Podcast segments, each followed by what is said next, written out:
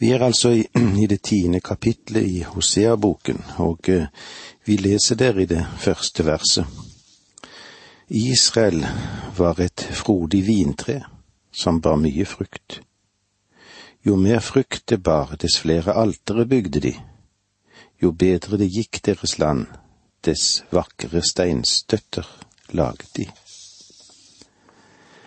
Medgangen var slett ikke tegn på at Gud var med de eller at Bal var en fruktbringende gud. Selv om Herren hadde gjort Israel velstående, fikk han ingen ære for det. Byene deres vokste. De hadde en intens husbygning. Og eh, som et resultat av alt dette trodde de at folket var på riktig spor. Deres velstand gjorde de blinde for eh, den situasjonen som de var kommet opp i, eller den sanne situasjonen som nå var kommet.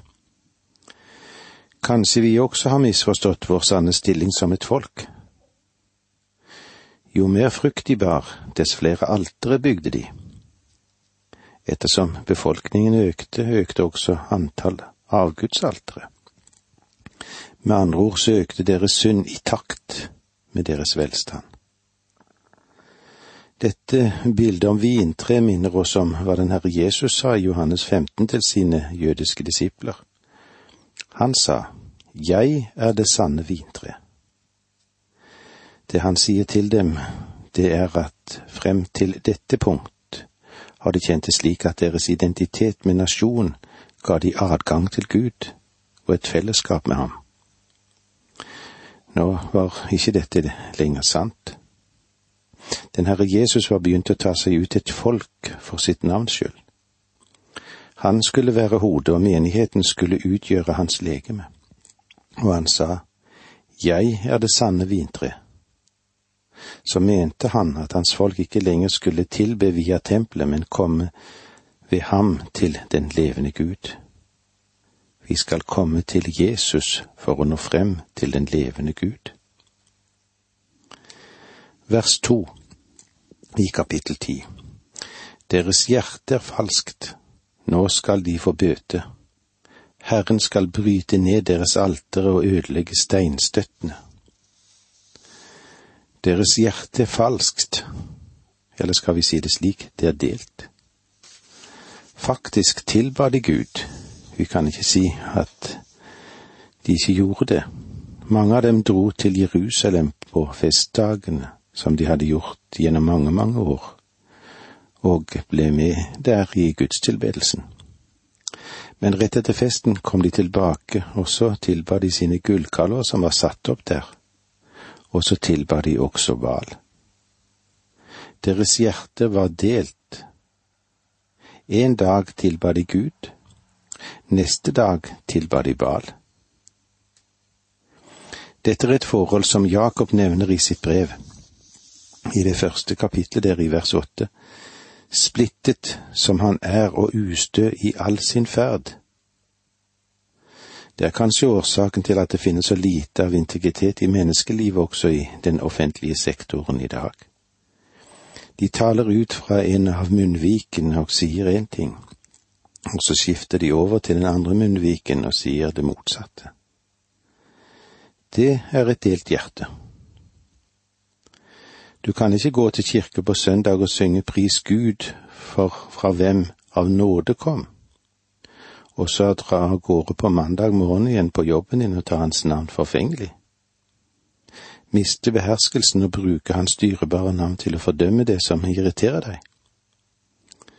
Et slikt liv er nøyaktig det samme som det troløse eller delte hjertet som førte dommen over Israel. La oss lese videre i vers tre. Ja, nå må de si, vi har ingen konge, for vi har ikke fryktet Herren, og kongen, hva kan han gjøre for oss? De sa dra av gårde til Sydrik, og der vil dere merke at kongen hjelper dem svært mye. Det grunnleggende problemet var ikke at de hadde gudløse konger. De hadde aldri en eneste god konge i Nordriket men deres eget hjerte var ikke rett for Gud. Det er enkelt for deg og for meg å la anklagene gå mot offentlige og mot andre instanser for de problemene som vi har i dag. Mens eh, det egentlige problemet, ja, hvor er det? Kanskje i vårt eget hjerte, i ditt hjerte og i mitt hjerte. Vers fire De har talt tomme ord, sverget falskt og sluttet pakt. Dommen skyter opp som giftige planter i plogfuren på åkeren. De siste dagene i Nordrike vi har hatt sine paralleller kanskje til vår egen tid. De har talt tomme ord. De var veldig pratsomme og dyktige i å turnere språket. Og jeg tror at i våre dagers medier, ja, det er aldeles glimrende når det gjelder å bruke ord. Mennesket er ganske pratsomt i vår del av verden, ja, slik opplever i alle fall jeg det. Men eh, det er vel slik både med deg og meg av og til at vi blir trette av alle ordene som kommer. Ikke fordi ordene verken er mange eller vakre. Men hvorfor? Jo, fordi ordene er tomme. De dekker ikke vår virkelighet. De er et skalkeskjul for den indre tomhet som så mange mennesker kjenner så vel, ja, inderlig vel kjenner de det. sverget falskt og sluttet pakt.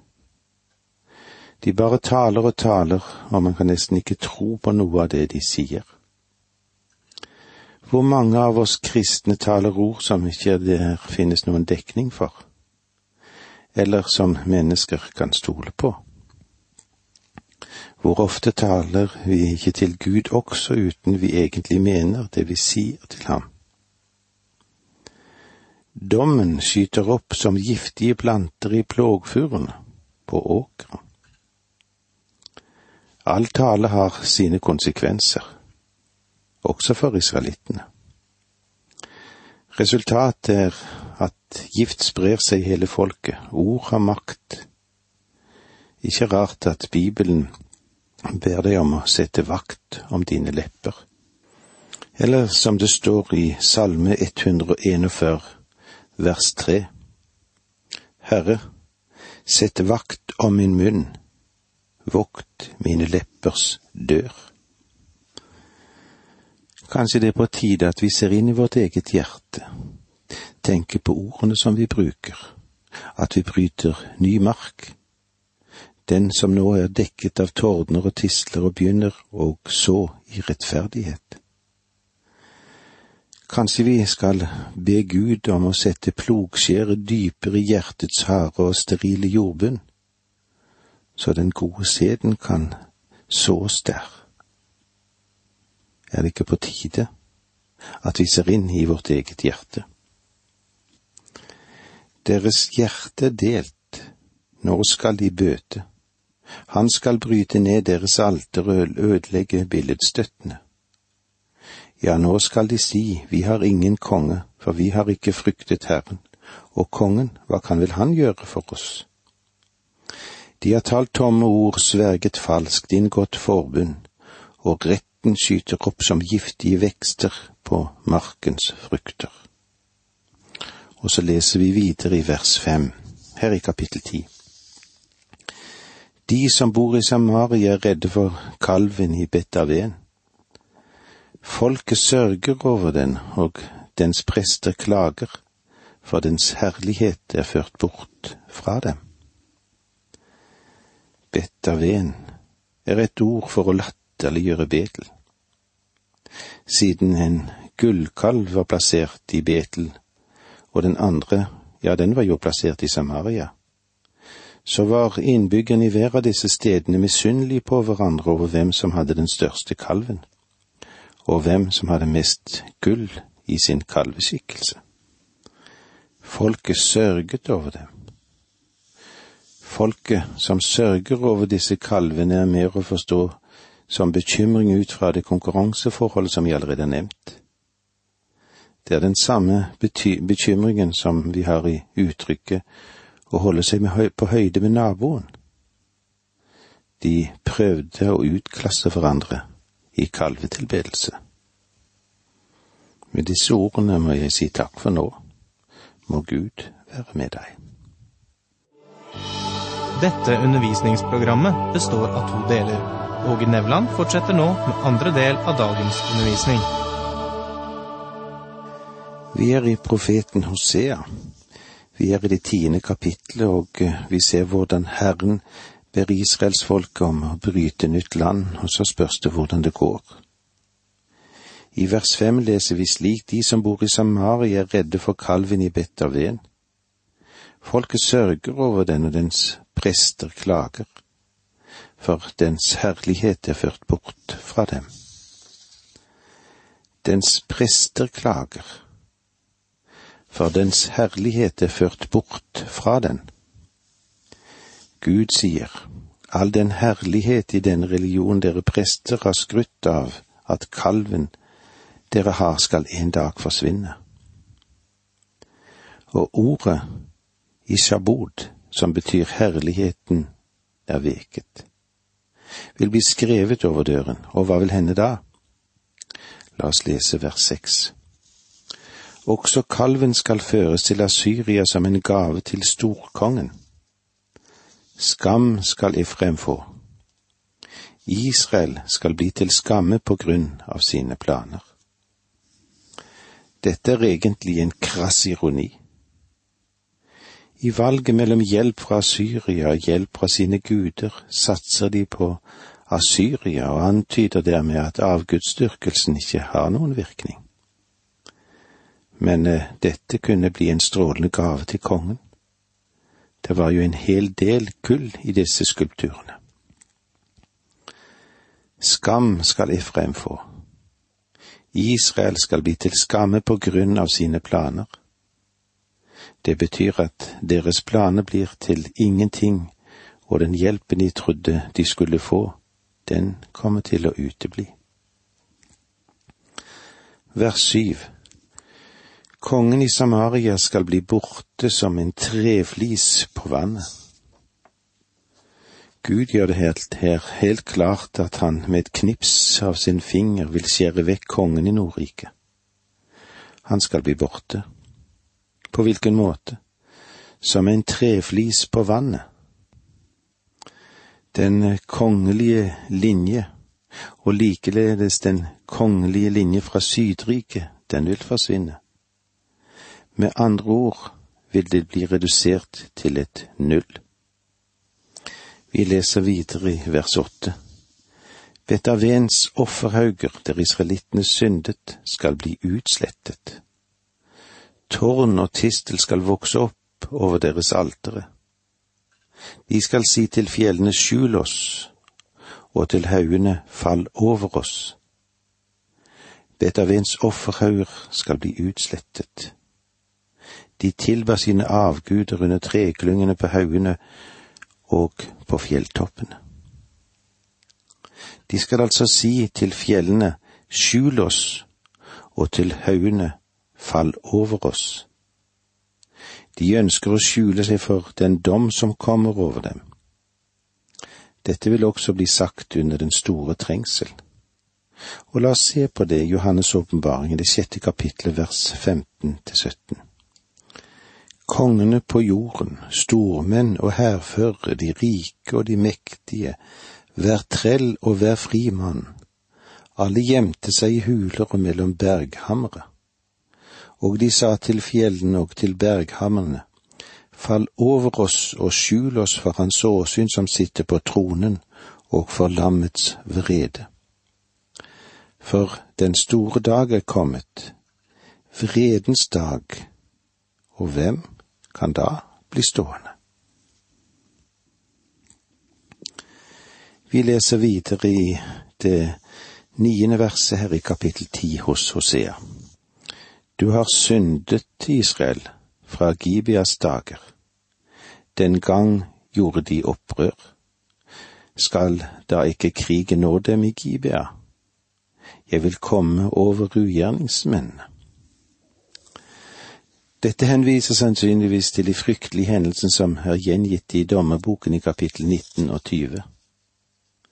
Selv etter borgerkrigen og etter at mennene fra Gibia var utslettet, ble synden tilbake. Og Gibia ble selve symbolet på grov og brutal sensualitet. Sammen med avgudspraksisen i Israel fulgte også den de seksuelle utskeielser med. La oss se videre vers 10 og 11. Og tukte dem slik jeg vil. Folkeslag skal samle seg mot dem når de blir tuktet for sin dobbelte skyld. Efrem var lik en temmet kvige som gjerne ville treske, men jeg la åk på hennes vakre hals. Jeg spente Efrem for, Juda pløyde, og Jakob harvet. Efrem var lik en temmet kvige som gjerne ville treske. Efrem gledet seg over den vidunderlig rike høsten som de fikk, men likte ikke ideen om at de måtte slite og kjempe for å bryte opp landet. Gud sier at han vil tvinge Efraim til å gå tilbake til det hun ikke ville gjøre. I vers tolv leser vi slik, Så rettferd sed og høst troskapsfrykt. Bryt dere nytt land, for nå er det tid til å søke Herren, før Han kommer og lar rettferd regne over dere. Legg merke til den fryktelige dommen som var uunngåelig. Det ville bli revolusjon. For når folk sier at de ikke frykter Herren, vil de også si at de ikke frykter kongen eller Betterven, forfengelighetens hus, skulle erstatte Guds hus. Hva med gullkalvene, da? Jo, de blir bortført av erobreren. Kongen skulle forsvinne som skum på vannet. Det tunge åket skulle plasseres på Efraims vakre nakke. Israels festning skulle rives ned med all den gru som krigen førte med seg. Er det ikke vondt og bittert å svikte Herren.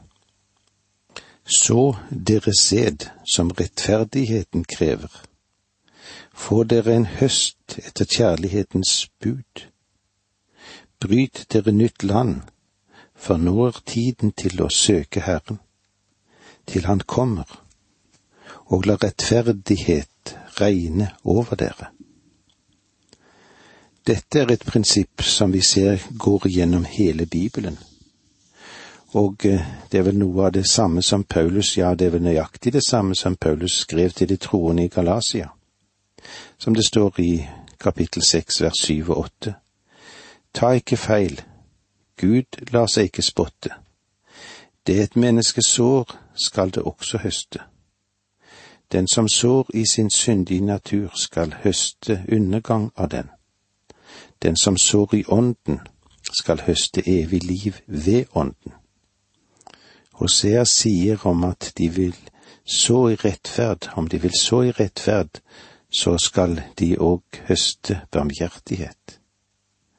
Det er alltid sant at vi kan ikke leve ved djevelens standard og vente å høste velsignelse fra Gud. Vers 13 Dere har pløyd ned ondskap og høstet urett, og den frukt dere spiser, er løgn for du satte lit til din ferd og til alle dine krigere. Israel hadde ikke lært sin lekse. Den pløyde ondskap så hun høstet ondskap. De hadde spist løgnens frukt. De stolte på mektige menn. De stolte på ledere som løy for dem. De stolte mer på disse menn enn de stolte på Gud. Og så fikk de nøyaktig det resultatet de kunne vente seg, løgnens frukt.